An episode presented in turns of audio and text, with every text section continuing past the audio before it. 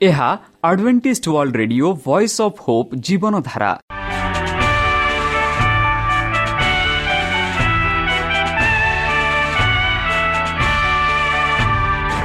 Odia radio କାର୍ଯ୍ୟକ୍ରମ ଯାହା ଆମର ଆନ୍ତର୍ଜାତୀୟ ଆଘାତ କେନ୍ଦ୍ରରୁ ପ୍ରସାରଣ କରାଯାଉଛି ପ୍ରତିଦିନ ରାତି ନଅଟା ତିରିଶ ମିନିଟ୍ରେ। ମୁଁ ସୁବ୍ରତ କୁମାର ପତି ପ୍ରେମର ସହ ଆପଣମାନଙ୍କୁ ଏହି କାର୍ଯ୍ୟକ୍ରମକୁ ସ୍ୱାଗତ କରୁଅଛି। ଚାଲନ୍ତୁ ଆଜିର ତିରିଶ ମିନିଟ୍ର କାର୍ଯ୍ୟକ୍ରମ ବିଷୟରେ ଜାଣିନେବା। ପ୍ରଥମେ ରଖିଛୁ ଆଧ୍ୟାତ୍ମିକ ଭକ୍ତିମୟ ଗୀତ। ଏହାପରେ ଶୁଣିବା ସ୍ୱାସ୍ଥ୍ୟ ବିଷୟରେ ଯାହା ଆମର ଦୈନିକ ଜୀବନରେ ଅତ୍ୟନ୍ତ ଜରୁରୀ। ଆଉ ପରିଶେଷରେ ଶୁଣିବା ପରମେଶ୍ୱରଙ୍କ ଭକ୍ତଙ୍କଠାରୁ ଜୀବନଦାୟକ ଈଶ୍ୱରଙ୍କ ବାକ୍ୟ। ପ୍ରିୟ ଶ୍ରୋତା ତାହେଲେ ଚାଲନ୍ତୁ ଶୁଣିବା ଏକ ଆଧ୍ୟାତ୍ମିକ ଭକ୍ତିମୟ ଗୀତ।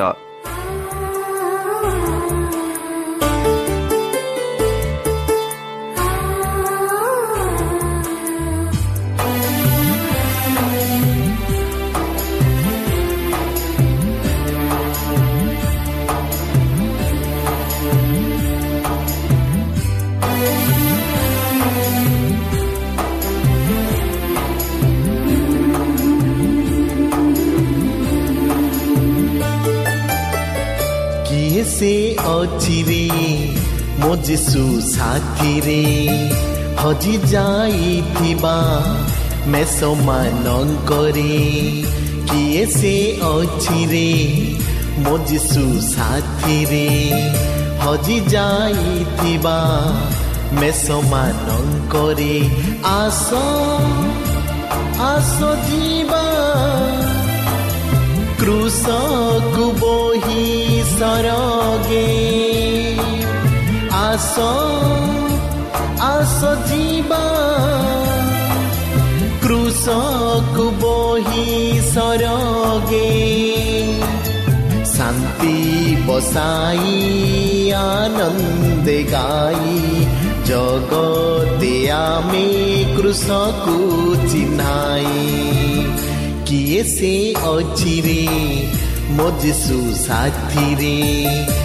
ହଜି ଯାଇଥିବା ମେଷମାନଙ୍କରେ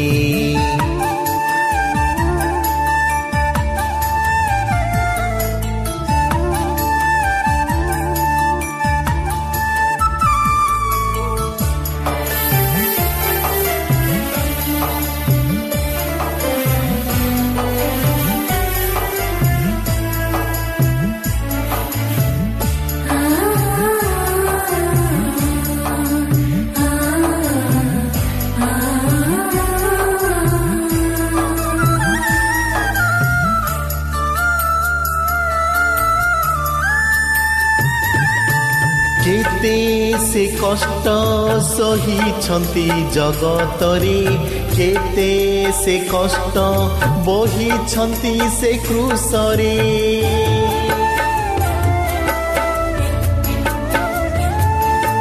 କେତେ ସେ କଷ୍ଟ ସହିଛନ୍ତି ଜଗତରେ କେତେ ସେ କଷ୍ଟ ବହିଛନ୍ତି ସେ କୃଷରେ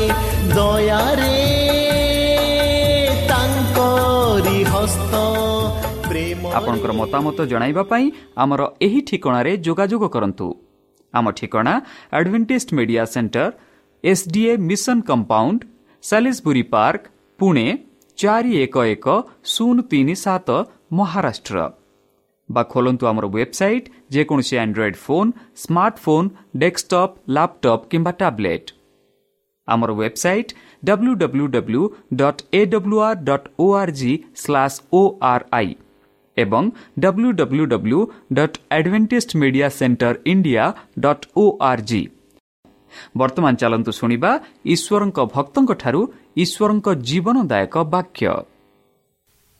କେଉଁଠାରେ ଧାର୍ମିକମାନେ ଅନନ୍ତ ଜୀବନ ଅତିବାହିତ କରିବେ?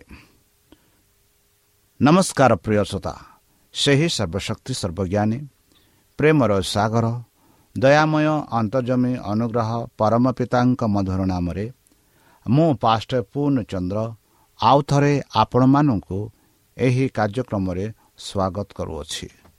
ସେହି ସର୍ବଶକ୍ତି ପରମେଶ୍ୱର ଆପଣମାନଙ୍କୁ ଆଶୀର୍ବାଦ କରନ୍ତୁ। ଆପଣଙ୍କୁ ସମସ୍ତ ପ୍ରକାର ଦୁଃଖ କଷ୍ଟ ବାଧା କ୍ଲେଶ ଓ ରୋଗରୁ ଦୂରେଇ ରଖନ୍ତୁ। ଶତ୍ରୁ ସୟତାନ ହସ୍ତରୁ ସେ ଆପଣଙ୍କୁ ସୁରକ୍ଷାରେ ରଖନ୍ତୁ। ତାହାଙ୍କ ପ୍ରେମ ତାହାଙ୍କ ସ୍ନେହ ତାହାଙ୍କ କୃପା ତାହାଙ୍କ ଅନୁଗ୍ରହ ସଦାସର୍ବଦା ଆପଣଙ୍କଠାରେ ସହବର୍ତ୍ତୀ ରହୁ। ପ୍ରିୟସୋତା ଚାଲନ୍ତୁ ଆଜି ଆମ୍ଭେମାନେ କିଛି ସମୟ ପବିତ୍ର ଶାସ୍ତ୍ର ବାଇବଲଠୁ ତାହାଙ୍କ ଜୀବନଦାୟକ ବାକ୍ୟ ଧ୍ୟାନ କରିବା। ଆଜିର ଆଲୋଚନା ହେଉଛି ଯେଉଁଠାରେ ଧାର୍ମିକମାନେ ଅନନ୍ତକାଳ ଅତିବାହିକ କରିବେ ବା କେଉଁଠାରେ ଧାର୍ମିକ ଲୋକ ସଦାସର୍ବଦା ବାସ କରିବେ? ବନ୍ଧୁ ଯେପରି କାଲି ଆମେ ଦେଖିଥିଲୁ ପିତର କହନ୍ତି ପ୍ରଥମ ପିତର ତିନି ଦଶ ଏଗାରରେ ଯେନୁ ଯେ ଜୀବନରେ ସୁଖଭୋଗ କରିବାକୁ ପୁଣି ମଙ୍ଗଳର ଦିନ ଦେଖିବାକୁ ଇଚ୍ଛା କରେ ସେ ମନ୍ଦ ବାକ୍ୟରୁ ଆପନା ଜୀଭକୁ ଆଉ ପ୍ରବଞ୍ଚନା ବାକ୍ୟରୁ ଆପନା ଓଷ୍ଠଧାରକୁ ନିବୃତ୍ତ କରନ୍ତୁ। ସେ ମନ୍ଦରୁ ବିମୁଖ ହୋଇ ସକର୍ମ କରନ୍ତୁ। ସେ ଶାନ୍ତି ଅନ୍ୱେଷଣ କରି ସେଥିରେ ଅନୁଗାମୀ ହେଉ। ଏହିପରି ପିତର କହୁଛନ୍ତି ଯଦି ଆମ୍ଭେ ସେହି ସୁଯୋଗ ସେହି ସ୍ୱର୍ଗରାଜ ଯିବା ପାଇଁ ସେହି ଅଧିକାରୀ ହେବା ପାଇଁ ଆମେ ଚାହୁଁଅଛୁ ତାହେଲେ ଆମ ଜୀବନକୁ ସେହି ମନ୍ଦ କାର୍ଯ୍ୟରୁ ବିମୁଖ କହିବାକୁ ପଡ଼ିବ। ବା ସକର୍ମ କରନ୍ତୁ ବୋଲେ ଭଲ କାମ କରିବାକୁ ପଡ଼ିବ। ଆଉ ଶାହାନ୍ତି ଅନ୍ୱେଷଣ କରିବାକୁ ପଡ଼ିବ। ଆଉ ସେଥିରେ ଆମେ ସେ ଶାହାନ୍ତି ଆଉ ଭଲ କାର୍ଯ୍ୟ କରି ଆମମାନଙ୍କୁ ନିଜକୁ ଯିବାକୁ ପଡ଼ିବ। ଆଉ ତାହା ଆମେ ଅନୁଗାମୀ କରିବାକୁ ହେବ ବୋଲି ପିତରମାନଙ୍କୁ କହୁଛନ୍ତି। ବନ୍ଧୁ ସ୍ୱର୍ଗରାଜ୍ୟ ଯେପରି ଗତକାଲି ଆମେ ଆଲୋଚନା କରିଥିଲୁ ନମ୍ର ଲୋକମାନେ ଅଧିକାରୀ କରିବେ। ପାପୀମାନେ ନୁହଁ କି ଅଧର୍ମକାରୀମାନେ ନୁହଁ କି ମିଥ୍ୟାକାରୀ ନୁହଁ କି ବ୍ୟବିଚାରୀକାରୀ ନୁହଁ କି ଚୋରି ନୁହଁ ଏମାନେ କେବେ ହେଲେ ସ୍ୱର୍ଗରାଜ୍ୟ ଅଧିକାର କରିବେ ନାହିଁ କି ପୃଥିବୀରେ ବି ଅଧିକାରୀ ହୋଇପାରିବେ ନାହିଁ। କାରଣ ସେମାନଙ୍କ ଜୀବନରେ ଶୈତାନର କାର୍ଯ୍ୟ ପରିପୂର୍ଣ୍ଣ ରହିଅଛି। କାରଣ ସେମାନେ ଶୈତାନର ପ୍ରଲୋଭନରେ ଶୈତାନକୁ ଆପନା ପ୍ରଭୁ ବୋଲି ମାନୁଅଛନ୍ତି। ମାତ୍ର ଯେ କେହି ସେହି ଯୀଶୁଖ୍ରୀଷ୍ଟଙ୍କ ନାମରେ ବିଶ୍ୱାସ କରି ତାହାଙ୍କ ଅନୁଗାମୀ ହୋଇ ସେହି ଜୀବନକୁ ଆପଣା ଜୀବନ ରୂପେ ଚଲାଇବା ପାଇଁ ଯଦି ସେମାନେ ମଙ୍ଗଳ ଶାନ୍ତି ଆଉ ସକର୍ମ କରନ୍ତି ତେବେ ସେମାନେ ସେହି ସ୍ୱର୍ଗ ରାଜ୍ୟ ଅଧିକାର କରିପାରିବେ। ଯେପରି ଆମେ ଜିସାୟ ପଇଁଚାଳିଶ ଅଠରରେ ପାଉଅଛୁ ଏହିପରି ଜିସାୟ ଭବିଷ୍ୟତ ଭକ୍ତ ଲେଖନ୍ତି କି କାରଣ ଆକାଶ ମଣ୍ଡଳ ସୃଷ୍ଟିକର୍ତ୍ତା ସଦାପ୍ରଭୁ ଏକ ରୂପ କହନ୍ତି। ସେ ପରମେଶ୍ୱର ଅଟନ୍ତି। ସେ ପୃଥିବୀ କି ନିର୍ମାଣ କରି ପ୍ରତୁ ତଳେ ସେ ତାହା ସ୍ଥାପନ କଲେ। ସେ ତାହା ଶୂନ୍ୟ କରି ସୃଷ୍ଟି ନ କରି ବତିଶ ସ୍ଥାନ ଦେବା ପାଇଁ ନିର୍ମାଣ କଲେ। ଆଉ ସଦାପ୍ରଭୁ ଆଉ ତୃତୀୟ ଦ୍ୱିତୀୟ କେହି ନାହିଁ। ବନ୍ଧୁ କେଡ଼େ ସୁନ୍ଦର ଭାବରେ ଏଠି ଭବିଷ୍ୟତ ଭକ୍ତା ଜିସାୟ ସଦାପ୍ରଭୁଙ୍କ ବିଷୟରେ ବର୍ଣ୍ଣନା କରୁଛନ୍ତି କି ସେହି ସଦାପ୍ରଭୁ ପରମେଶ୍ୱର ଯିଏକି ଏହି ଆକାଶ ମଣ୍ଡଳ ପୃଥିବୀ ସବୁ ସୃଷ୍ଟି କଲେ। ଆଉ ସେ ହେଉଛନ୍ତି ପରମେଶ୍ୱର। ସେହି ପରମେଶ୍ୱର ଏହି ପୃଥିବୀକୁ ନିର୍ମାଣ କଲେ ପ୍ରସ୍ତୁତ କଲେ ତିଆରି କଲେ ଆଉ ଏହି ପୃଥିବୀକୁ ସେ ସ୍ଥାପନ କଲେ। ଆଉ ଯାହା ବର୍ତ୍ତମାନ ଆମେ ସେହି ଶୂନ୍ୟ ସବୁ ଦେଖୁଅଛୁ ସେହି ପରମେଶ୍ୱର ସୃଷ୍ଟି କଲେ। ଆଉ ଯାହା ସବୁ ଆମେ ସେହି ଶୂନ୍ୟରେ ଆମେ ଦେଖୁଅଛୁ ସେହି ସବୁ ସେହି ପରମେଶ୍ୱର ଆପଣା ଆପଣା ସ୍ଥାନରେ ରଖିଲେ। ଯେପରିକି ସୂର୍ଯ୍ୟ ଚନ୍ଦ୍ର ତାରା ନକ୍ଷତ୍ର ଯେତେ ନକ୍ଷତ୍ର ଗୁଡ଼ାକ ଆମେ ଦେଖୁଅଛୁ ସେହି ସବୁ ପରମେଶ୍ୱର ଆପଣା ସ୍ଥାନରେ ରଖିଲେ। ଆଉ ସେ କହନ୍ତି ଆମ ପରିଶୋଧା ପ୍ରଭୁ ତାଙ୍କ ପରିଶୋଧା ପ୍ରଭୁ ଆଉ କେହି ନାହାନ୍ତି ପୃଥିବୀରେ ବନ୍ଧୁ ମନେ ରଖନ୍ତୁ ସେହି ପ୍ରଭୁ ସେହି ପରମେଶ୍ୱର ଯେତେ ଦେବ ଦେବତା ଆମେ ଦେଖୁଅଛୁ ଯେତେ ମାନବ ଜାତି ପୂଜା କରନ୍ତି ଏହା ପରମେଶ୍ୱର ଯିଏକି ରାଜାଙ୍କ ରାଜା ପ୍ରଭୁଙ୍କ ପ୍ରଭୁ ସୃଷ୍ଟିକର୍ତ୍ତା ଆଉ ସେ ନିଜେ କହନ୍ତି ଆମ୍ଭେ ସଦାପ୍ରଭୁ ଆଉ ଦ୍ୱିତୀୟ କେହି ନାହିଁ। ସେହି ସଦାପ୍ରଭୁ ଛାଡ଼ି ଆଉ ଦ୍ୱିତୀୟ କେହି ନାହାନ୍ତି ବନ୍ଧୁ। ସେହି ହିଁ ପରମେଶ୍ୱର ଯିଏକି ଏହି ପୃଥିବୀକୁ ସୃଷ୍ଟି କରିଛନ୍ତି ଆଉ ସେହି ପୃଥିବୀକୁ ଆମେ କିପରି ଅଧିକାର କରିପାରିବା ତାହାର ଏକ ଯୋଜନା ମାନଙ୍କୁ ଦେଉଛନ୍ତି। ଯଦି ଆମେ ନମ୍ରତାରେ ଯଦି ଆମେ ତା ଧାର୍ମିକତାରେ ଯଦି ଆମେ ଶାନ୍ତି ଅନ୍ୱେଷଣ କରି ଯଦି ଯୀଶୁଖ୍ରୀଷ୍ଟଙ୍କଠାରେ ବିଶ୍ୱାସ କରି ତାଙ୍କ ଆଜ୍ଞା ମାନି ଆମେ ଚାଲିବା ତେବେ ଆମେ ଏହି ପୃଥିବୀର ଅଧିକାରୀ କରିପାରିବା। ତାହାର ଯୋଜନାମାନଙ୍କୁ ପରମେଶ୍ୱର କହୁଛନ୍ତି ବନ୍ଧୁ। ଯେପରି ଜିସାୟ ପଞ୍ଚଷଠି ଏକୋଇଶ ବାଇଶରେ ଆମେ ପାଉ ପୁଣି ଲୋକମାନେ ଗୃହ ନିର୍ମାଣ କରି ତହିଁରେ ବାସ କରିବେ।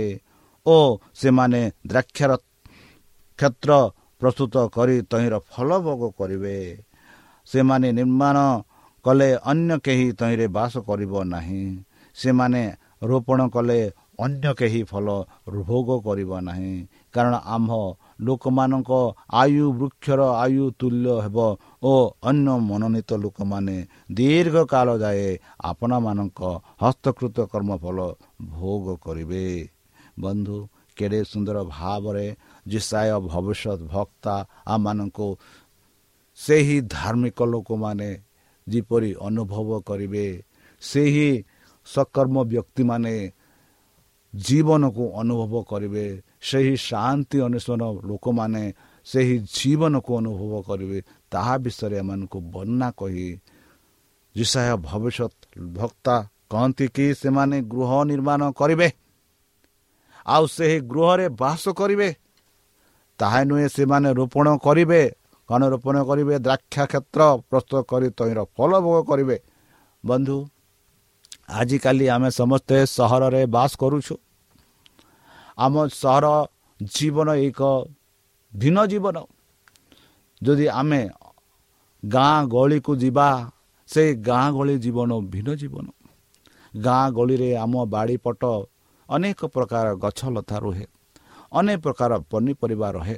ଆମେ ତାକୁ ନିଜ ହସ୍ତରେ ରୋପି ନିଜ ତାକୁ ନେଇ ନିଜ ରୋଷେଇ ଘରରେ ରାନ୍ଧି କରି ଖାଇଥାଉ ଫଳ ଖାଇଥାଉ। ମାତ୍ର ସହରରେ ଆମେ ପ୍ରତ୍ୟେକ ଜିନିଷ ଗୁଡ଼ାକ ବଜାରକୁ ଯାଉ କିଣି ଆଣୁ।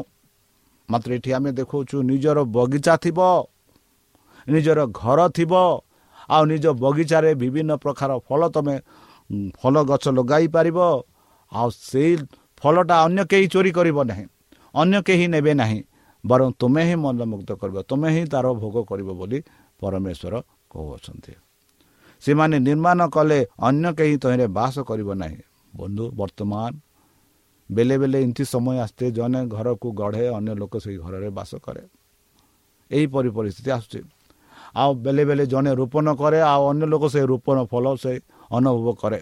ଏହିପରି ଆମେ ପୃଥିବୀରେ ଦେଖୁଅଛୁ। ମାତ୍ର ଯେବେ ଆମେ ସ୍ୱର୍ଗରାଜ ଯିବା ଯେପରି ମୁଁ ଆମେ ଦୁଇ ଦିନ ପୂର୍ବରେ ଆଲୋଚନା କରିଥିଲୁ ପରମେଶ୍ୱର ଯୀଶୁଖ୍ରୀଷ୍ଟ କହିଲେ ମୁଁ ମୋ ପିତାଙ୍କ ପାଖକୁ ଯାଉଅଛି। ମୋ ଠାରେ ତୁମେ ବିଶ୍ୱାସ କର। ମୋ ପିତାଙ୍କ ଠାରେ ମୁଁ ବିଶ୍ୱାସ କର।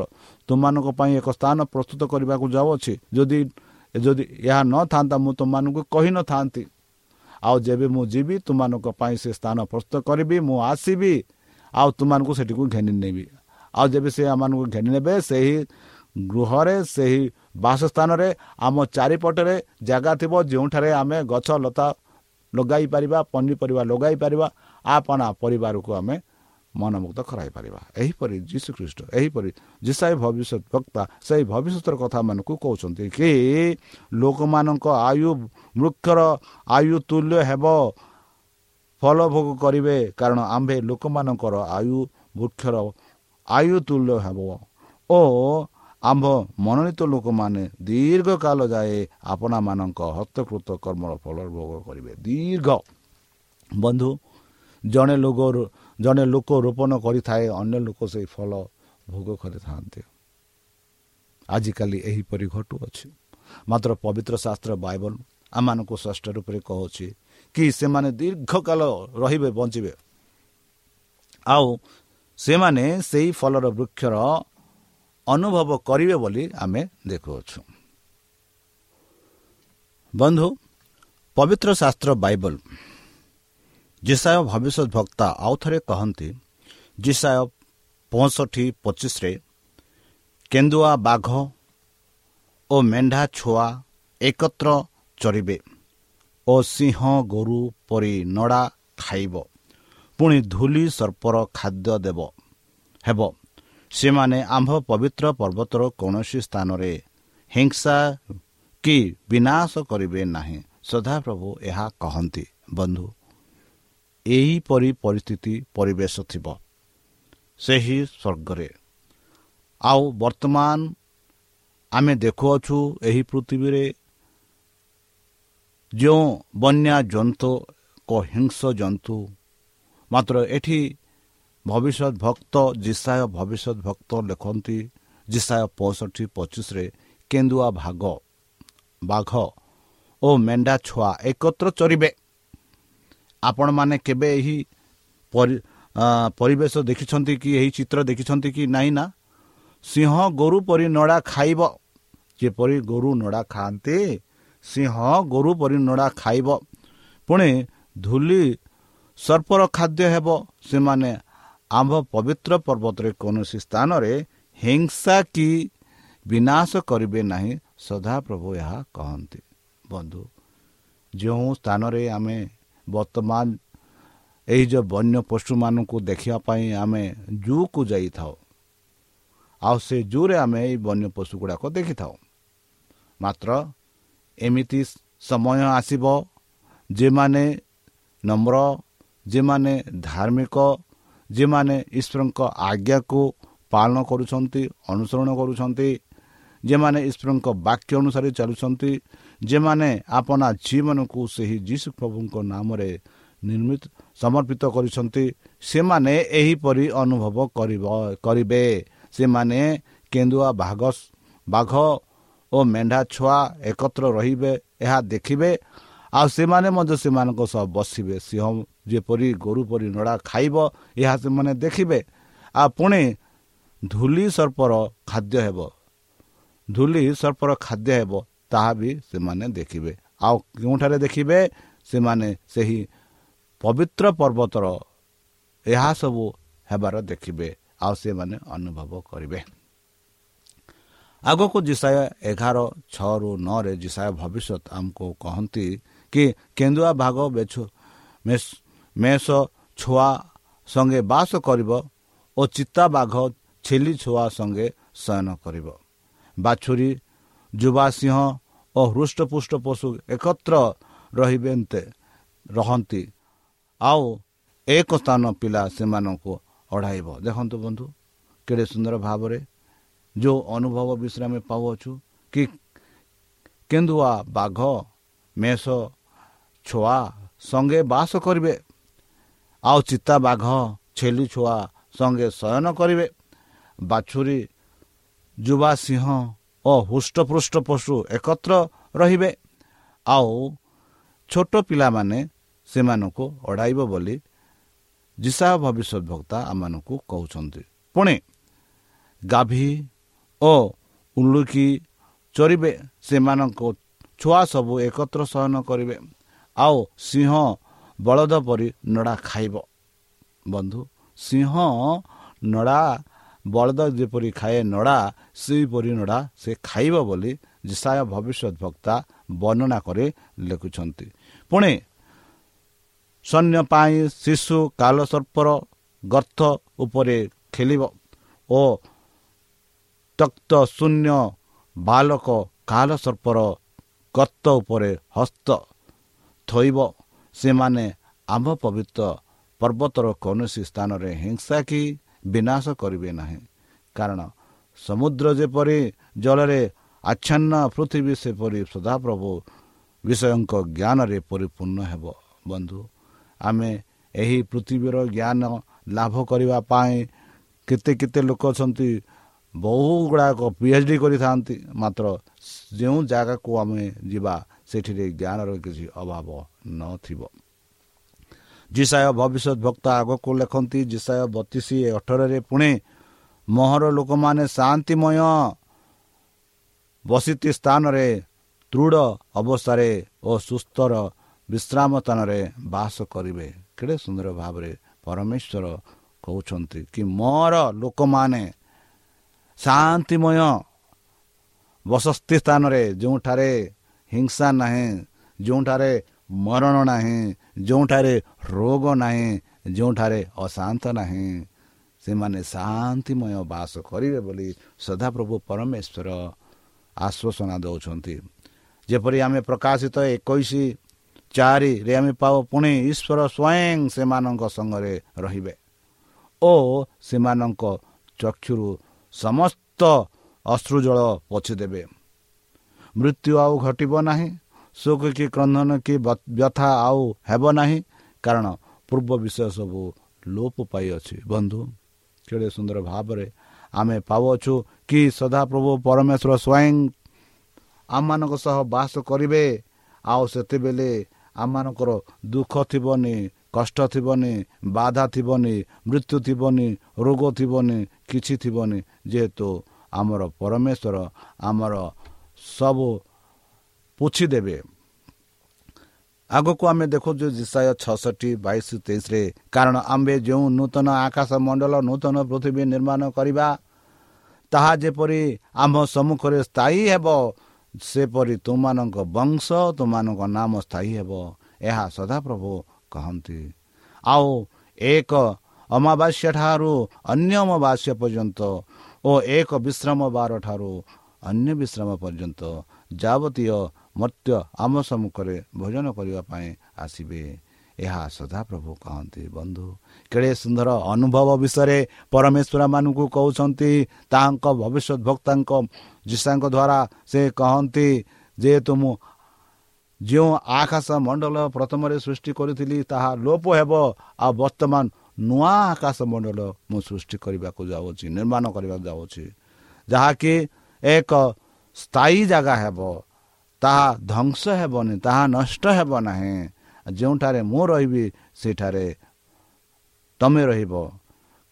ସେ କହନ୍ତି ଏକ ଅମାବାସ୍ୟା ଠାରୁ ଅନ୍ୟ ଅମାବାସ୍ୟା ପର୍ଯ୍ୟନ୍ତ ଓ ଏକ ବିଶ୍ରାମ ଠାରୁ ଅନ୍ୟ ବିଶ୍ରାମ ପର୍ଯ୍ୟନ୍ତ ଯାବତୀୟ ମର୍ତ୍ତ୍ୟ ଆମ୍ଭ ସମ୍ମୁଖରେ ଭୋଜନ କରିବା ପାଇଁ ଆସିବେ।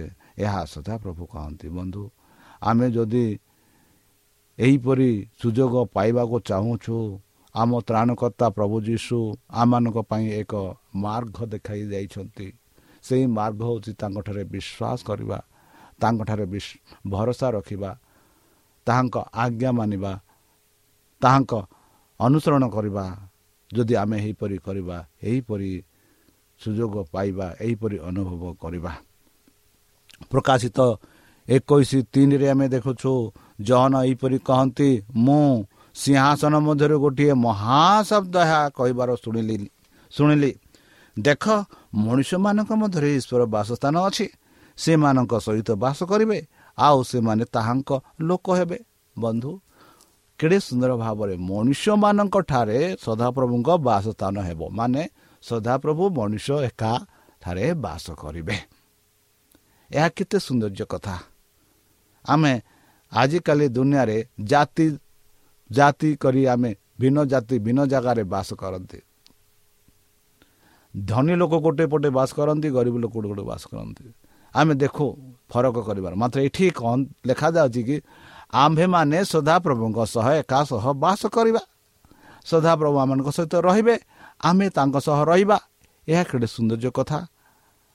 କୌଣସି ଆଉ ମୁଁ ସିଂହାସନ ମଧ୍ୟରୁ ଗୋଟିଏ ମହାଶବ୍ଦ। ଏହା କହିବାର ଶୁଣିଲି ସେ କ'ଣ ଶୁଣୁଛନ୍ତି? ଦେଖ ମଣିଷମାନଙ୍କ ମଧ୍ୟରେ ଈଶ୍ୱରଙ୍କ ବାସସ୍ଥାନ ଅଛି। କି ଈଶ୍ୱର ମଣିଷମାନଙ୍କ ଠାରେ ବାସ କରିବେ। ସେ ସେମାନଙ୍କ ସହିତ ବାସ କରିବେ ଆଉ ସେମାନେ ତାହାଙ୍କଠାରେ ବାସ କରିବେ। ପ୍ରକାଶିତ ବାଇଶ ତିନିରେ କହୁଛି କୌଣସି ଅଭିଶପ ବିଷୟ ଆଉ କହିବ ନାହିଁ। ଈଶ୍ୱର ଓ ମେଷବଙ୍କ ସିଂହାସନ ନଗରୀ ମଧ୍ୟରେ ରହିବ। ଆଉ ତାହାଙ୍କ ଦାସମାନେ ତାହାଙ୍କର ଉପାସନା କରିବେ। ପ୍ରକାଶିତ ବାଇଶ ବା ଦୁଇରେ ଆମେ ପାଉଛୁ ସେହି ନଦୀର ଉଭୟ ପାର୍ଶ୍ୱରେ ଦ୍ୱାଦଶର ଥର ଫଳଦାୟକ ଜୀବନ ବୃକ୍ଷ ଅଛି। ସେଥିରେ ପ୍ରତି ମାସରେ ଫଳ ଫଳେ ପୁଣି ସେହି ବୃକ୍ଷର ପତ୍ର ଜାତି ସମୂହର ଆରୋଗ୍ୟକାରକ। ବନ୍ଧୁ କେଡ଼େ ସୁନ୍ଦର ଅନୁଭବ ଏଇଟା। ଜହନ ତିନି ପ୍ରଥମ ଜହନ ତିନି ଦୁଇ ତିନିରେ କହେ ହେ ପ୍ରିୟମାନେ ବର୍ତ୍ତମାନ ଆମେମାନେ ଈଶ୍ୱରଙ୍କ ସନ୍ତାନ ଅଠୁ ବନ୍ଧୁ ବର୍ତ୍ତମାନ ଆମେମାନେ ଈଶ୍ୱରଙ୍କ ସନ୍ତାନ ଅଟୁ ଆଉ ଆମ୍ଭେମାନେ କ'ଣ ହେବା ତାହା ଏପର୍ଯ୍ୟନ୍ତ ପ୍ରକାଶିତ ହୋଇନାହିଁ ଆମେମାନେ ଜାଣୁ ଯେ ସେ ଯେତେବେଳେ ପ୍ରକାଶିତ ହେବେ ସେତେବେଳେ ଆମେମାନେ ତାହାଙ୍କ ସଦୃଶ ହେବା କାରଣ ସେ ଯେପରି ଆମମାନେ ସେହିପରି ତାଙ୍କ ଦର୍ଶନ କରିବା ବନ୍ଧୁ ଏହି ଯେଉଁ ଅନୁଭବ ଆପଣମାନେ ପାଇବା ପାଇଁ ଇଚ୍ଛା କରୁଛନ୍ତି କି? ଆଉ ଯେ କେହି ତାଙ୍କଠାରେ ଏହି ଭରସା ସ୍ଥାପନ କରନ୍ତି ବନ୍ଧୁ ସେ ଯେପରି ପବିତ୍ର ଅଟନ୍ତି ସେ ସେହିପରି ଆପଣଙ୍କୁ ପବିତ୍ର କରେ ବନ୍ଧୁ। ଆମେ ସେହି ସ୍ୱର୍ଗରାଜ୍ୟ ଯିବା ପାଇଁ ଚାହୁଁଛୁ। ମୁଁ ଚାହୁଁଛି ସ୍ୱର୍ଗରାଜ୍ୟ ଯିବା ପାଇଁ ଚାହୁଁଛି। ଆପଣମାନେ ସ୍ୱର୍ଗରାଜ୍ୟ ଯିବା ପାଇଁ ଚାହୁଁଛନ୍ତି କି? ତାହେଲେ ବର୍ତ୍ତମାନ ହିଁ ସେହି ସମୟ। ନିଜକୁ ତାଙ୍କ ହସ୍ତରେ ସମର୍ପଣ କରି ସେହି ମଧୁର ନାମରେ ବିଶ୍ୱାସ କର କି ଜୀବନଦାତା ତ୍ରାଣକର୍ତ୍ତା ପ୍ରଭୁ ଯୀଶୁ ହିଁ ଆମମାନଙ୍କୁ ଏହି ସୌନ୍ଦର୍ଯ୍ୟ ଅନୁଭୋଗ ଅନୁଭବ କରିବା ପାଇଁ ସୁଯୋଗ ଦେବେ। ଆଉ ସେହି ଜୀବନଦାତା ପରମେଶ୍ୱର ଆମମାନଙ୍କୁ ଆହ୍ୱାନ କରୁଛନ୍ତି କି ମୋ ଠାକୁ ଆସ ମୋ ନାମରେ ବିଶ୍ୱାସ କର ମୋ ଆଜ୍ଞା ପାଳନ କର ଆଉ ଯେପରିକି ତୁମେ ଅନଜୀବନ ପ୍ରାପ୍ତ ହୋଇପାରିବ। ତାହେଲେ ପ୍ରିୟସତା ଚାଲନ୍ତୁ ନିଜ ଜୀବନ ତାହାଙ୍କ ହସ୍ତରେ ସମର୍ପଣ କରି ତାହାଙ୍କ ମଧୁର ନାମରେ ଆମେ ପ୍ରାର୍ଥନା ଉତ୍ସର୍ଗ କରିବା। ହେ ଆମ୍ଭମାନଙ୍କ ସର୍ବଶକ୍ତି ସର୍ବଜ୍ଞାନୀ ପ୍ରେମର ସାଗର ଦୟାମୟ ପରମ ପିତା ଧନ୍ୟବାଦ ଅର୍ପଣ କରୁଛୁ। ବର୍ତ୍ତମାନ ଯେଉଁ ବାକ୍ୟ ତୁମ ଭକ୍ତମାନଙ୍କୁ ଶୁଣାଇଲେ ସେହି ବାକ୍ୟ ଅନୁସାରେ ଏମାନଙ୍କୁ ଚାଲିବା ପାଇଁ ବୁଦ୍ଧିରେ ଜ୍ଞାନରେ ଶକ୍ତିରେ ପରିପୂର୍ଣ୍ଣ କର। ଆମ ପାପ ସବୁ ତୁମ ସେହି ବହୁମୂଲ୍ୟ ରକ୍ତରେ ପରିଷ୍କାର ରୂପେ ଧରିଦିଅ। ଆଉ ପରିଶେଷ ଯେବେ ତୁମେ ତୁମ ସେହି ସହସ୍ର ଦୂତଙ୍କ ସହ ଆସିବେ ଆଉ ସେତେବେଳେ ଆମମାନଙ୍କୁ ଏକ ବାସସ୍ଥାନ ଦିଅ ବୋଲି ତ୍ରାଣକର୍ତ୍ତା ପ୍ରଭୁ ଯୀଶୁଙ୍କ ମଧୁରମୟ ନାମରେ ଏହି ଛୋଟ ବିକ୍ଷମ ହେଉଛି ଶୁଣି ଗ୍ରହଣ କର। ପ୍ରିୟ ଶ୍ରୋତା ଆମେ ଆଶା କରୁଛୁ ଯେ ଆମର କାର୍ଯ୍ୟକ୍ରମ ଆପଣମାନଙ୍କୁ ପସନ୍ଦ ଲାଗୁଥିବ। ଆପଣଙ୍କର ମତାମତ ଜଣାଇବା ପାଇଁ ଆମର ଏହି ଠିକଣାରେ ଯୋଗାଯୋଗ କରନ୍ତୁ।